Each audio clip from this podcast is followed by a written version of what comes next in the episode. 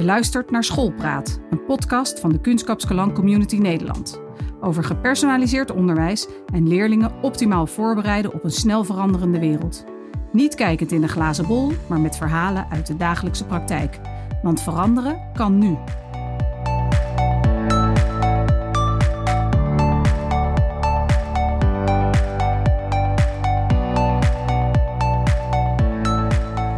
Dit is de eerste schoolpraat in een serie van twee, naar aanleiding van het Kunstkapskoning Community Event op 7 oktober jongsleden in Amsterdam. Met hierin twee grondleggers van Kunstkapskolen uit Zweden.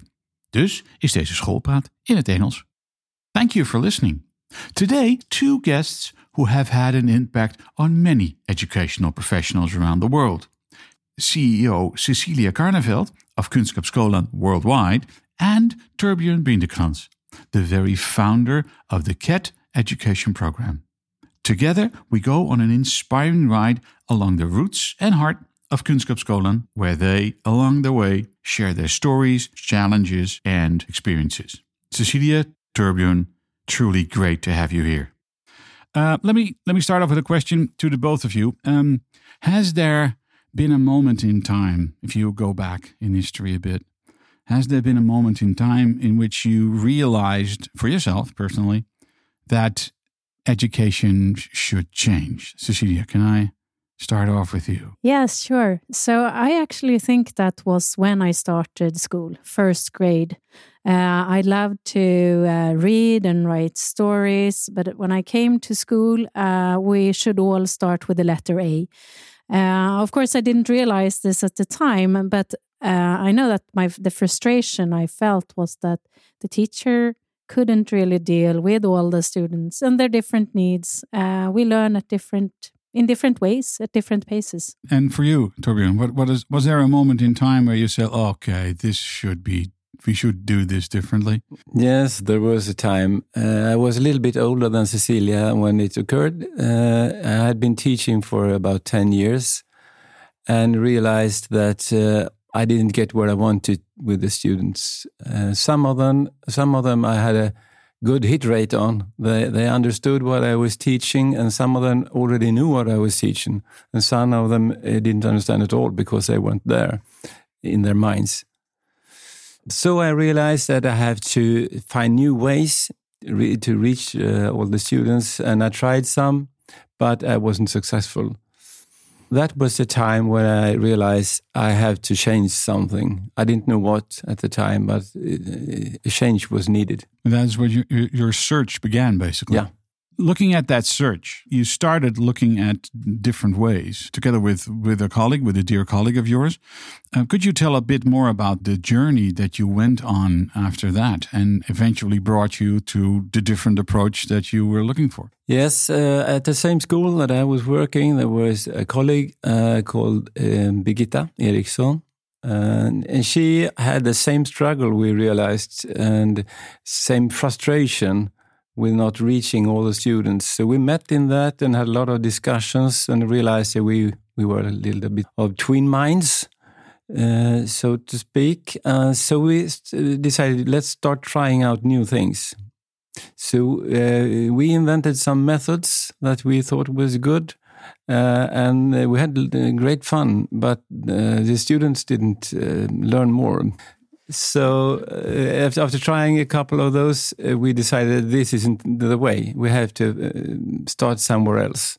So we sat down and said, let's let's try to find out where to find the drive in every student, how to get into their heads.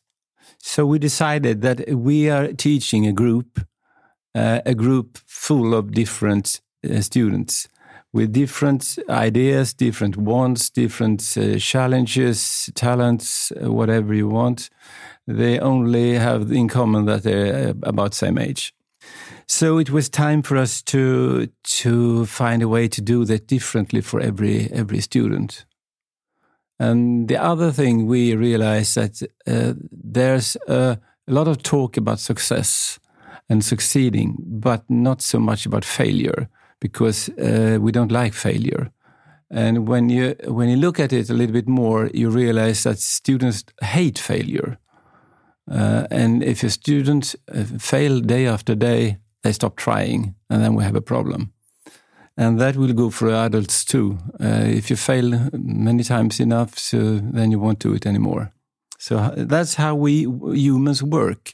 And we decide that this will be our platform. From this on, we will work from those truths that we had found. And the parents behind these children, because you you started, well, I wouldn't say experimenting, but you started to do things differently. Did the parents of these students did they react on that? Did they have comments on that, or were they afraid? What what what is Torbjörn and Birgitta doing with my child? What happened? I think we had already a good reputation at the school because we were, if I may say so, fairly good teachers, uh, and um, students liked us, uh, uh, liked us, and uh, the parents liked us too. So there were there was a space we could do some wrong things and still live. They were not not too critical about no. that. They gave you the room to maneuver, so yeah. to speak. Okay, Cecilia, changing is never an easy thing, not in an organization. But I would say changing education is is particularly not a very easy thing.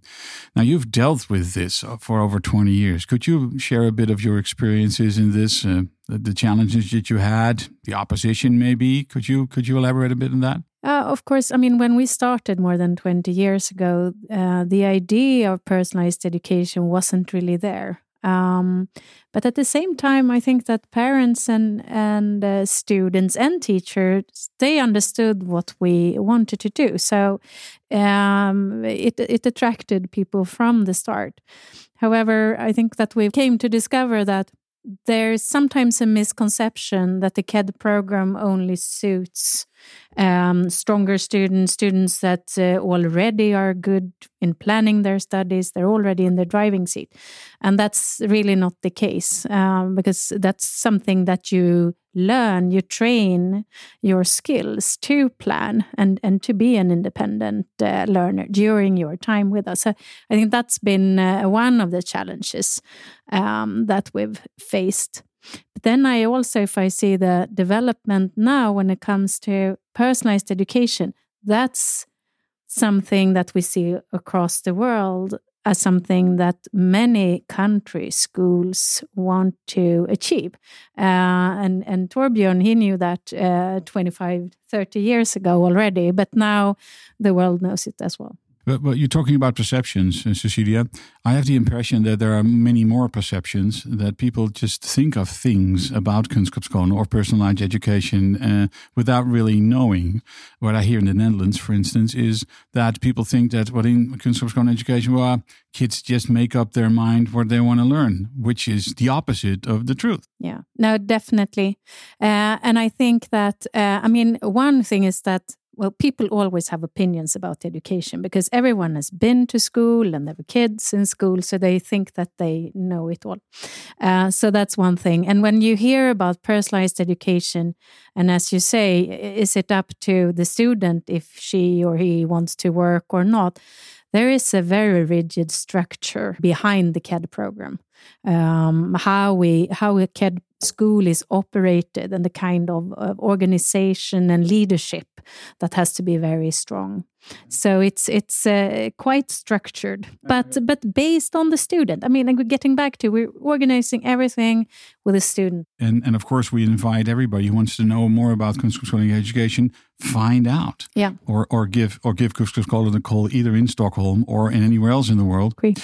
We talked about parents at Torbjörn a moment. Um, if you if a parent imagine that a parent would come up to you and say, "Look, uh, I've heard about this, uh, about personalized education or Kunskapsskolan uh, education more particular.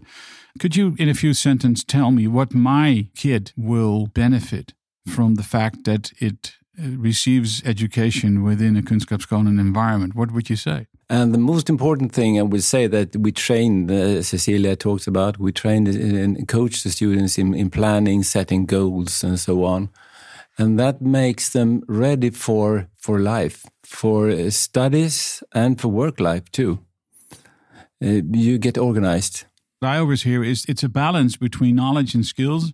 Where I see that in a company environment, for instance, people are hired because of the balance that they have, and not because of their their knowledge per se. Do you do you recognize that? Yeah, and and uh, many people describe intelligence uh, in in the meaning that okay, you can have knowledge, but it, you aren't intelligent before you use it. You're learning something to use it at the end of the day, and that learning should should be in balance with the the development in society as well, isn't it, Cecilia? Um, I mean, definitely. I mean, you need profound knowledge but as Torbjörn says, you need also to know how to apply it because otherwise it's it's for new, no use at all. Seeing uh, kids growing up in within kunskapsskolan education is that this education brings them more than the exams asks of them. It does, and we see that in students who have left us, and and they come back and they talk about the way they've learned to deal with life uh, actually, and, and in planning and taking responsibility. They, it works in all aspects of life. And they feel that they are ahead. Yeah. The other students. That, that's a feeling you get back from them as well. Yeah. Th this has been recognized not only in Sweden and in the Netherlands, but it's recognized around the world. By the way, uh, a couple of months ago, a very important study came out from UNESCO which basically labeled personalized education as a human right. Now, that is a pretty bold statement to make. Uh, could you elaborate a bit on that on that report? Absolutely. Yeah, it's a bold statement, uh, but also uh, I think the right one, and and it's an interesting report. Uh, more than 300 researchers for from 45 different countries looking at what's the future for education, and one of the conclusions is, as you say, that personalized education should be a human right, and they come from the fact that we need all human beings' potential. We need to to take into account uh, every person uh, and their skill and, and skills and ability in order to to deal with all the challenges we have in the world of, of today. So that's where they're coming from, and and I think that resonates very well with uh, our approach in in Kunskapsskolan and the KED program. It, it's like finding every student's um, ability. And this is truly a global affair, uh, Torbjörn. If you look at, again, with parents or anybody else, it doesn't matter whether you are in Vietnam, you are in, in Sweden or the Netherlands or, or in the UK for that matter. People ask of education, the added value of education, they ask basically the same thing, isn't it? I haven't been to all those countries, no, but uh, yeah, I would say that's true. And I, I, would say, if I could add, I, I see it even more in developing countries, perhaps in, in the and then in the traditional Western world, uh, because those families realize that for their kids to get ahead, they need to be able to to master things in the world uh, and and to be global citizens in a different way. And is that one of the reasons why uh, Kunskapsskolan deliberately set up an international network as well? Yes, I, I, would say so. Uh, maybe it wasn't in, in the beginning that intention, but we definitely see it uh, now as we are in India, for example, that the families who come to us that that's what they're looking for, um, the different global outreach and a development of skills. In contrast to the rigid exam system and rote learning that uh, has been their tradition. Torbjörn, if we zoom a bit in, into onto uh, the the teacher, what kind of what what does it, what does it need to become a, a KED program teacher? Are there skills? Is is it a mentality? Is it a way of, of looking at things?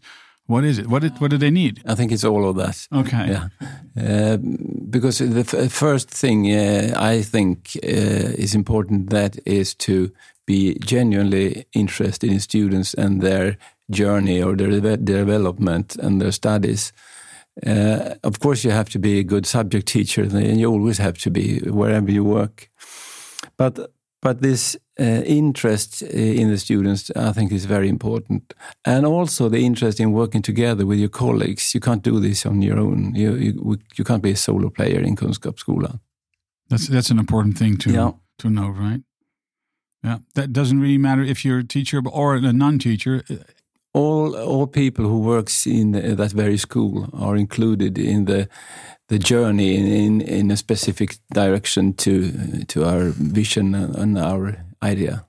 You, you, you, talked about a bus where you, to to to visualize, so to speak, the role, the changing role of a of a teacher within uh, within the Kunskapsskolan environment. Could you please elaborate on that a bit and tell us about that picture that you? You that want you the traffic school story? Uh, the traffic school story. Uh, okay, I'll try. Uh, th this is a way of, for me to remind myself of, of the mindset, because you're always um, you have a story as a teacher and as a student. You can easily fall into tradition if you don't be aware of what you're doing all the time. And for me, this is a way of remembering uh, things.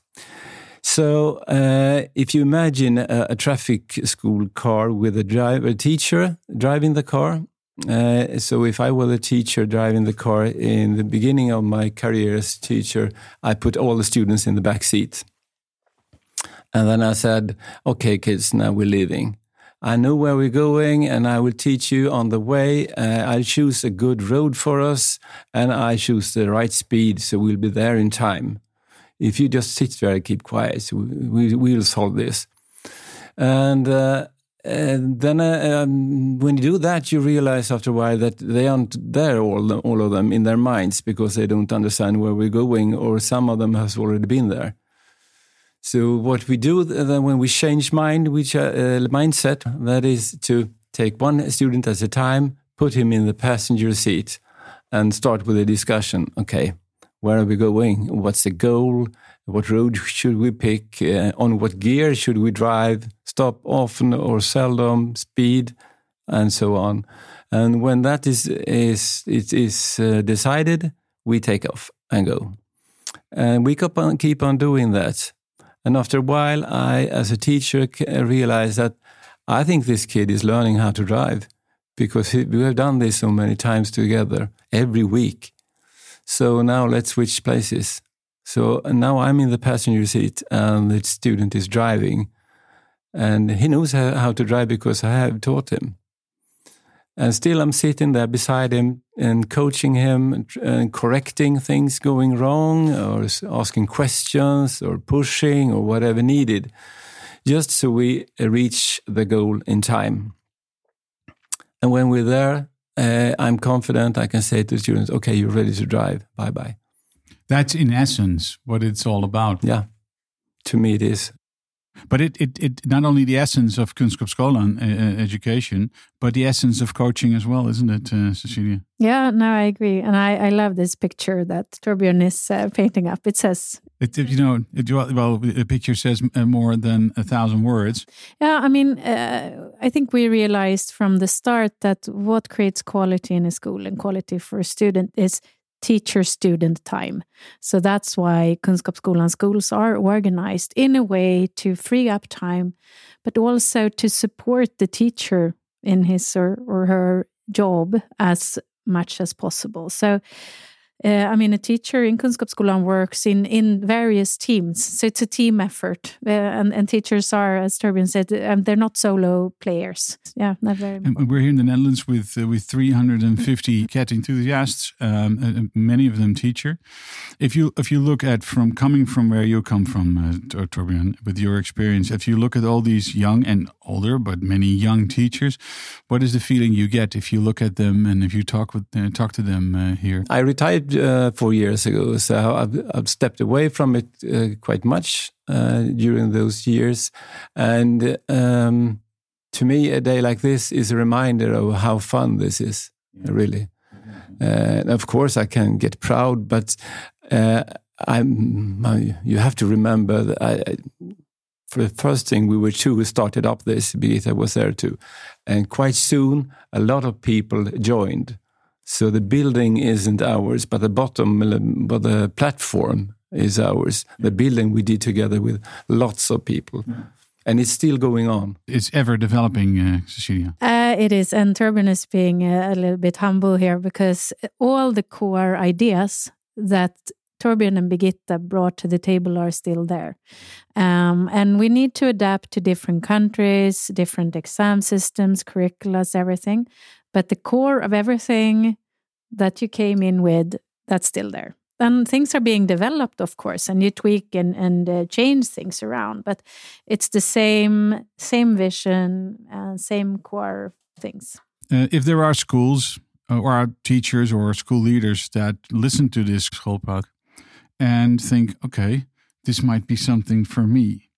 Um, is there an advice that you want to give him, a thought that you would like to give to these newly awakened school teachers with regard to the Kunskapsskolan uh, program? What do you think? Well, I think we get uh, lots of, of different requests from all over the world um, by those people. So that would be one advice get in touch. Um, and then uh, we have different ways of, of working with schools. Either schools that want to implement the full program and be part of our inner network.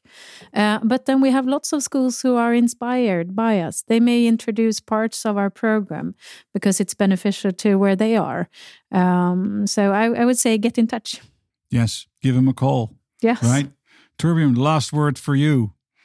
Is there anything you want to say to your colleagues and uh, all around the world that are really are inspired by the Kunskapsskolan way of thinking? Yeah, I could uh, say one thing that I, I used myself during my, my time in Kunskapsskolan. That was that every every decision needs to have a question to it, and that question is how is this beneficial for the students? And if it's not, it's, it's probably a bad decision. I couldn't think of a better note to end this Schoolpraat. Thank you both very, very much. Thank, Thank you, for having us. Happy to be here. That's it for today. On behalf of Cecilia Carnefeldt and Torbjörn Bildekrans, thanks for listening. And if you want to know more about Kunskapsskolan education and the possibilities within your school, don't hesitate and give either Kunskapsskolan Stockholm or anywhere else in the world, give them a call and uh, they will be happy to be of assistance. My name is Koos Woltjes and till the next one.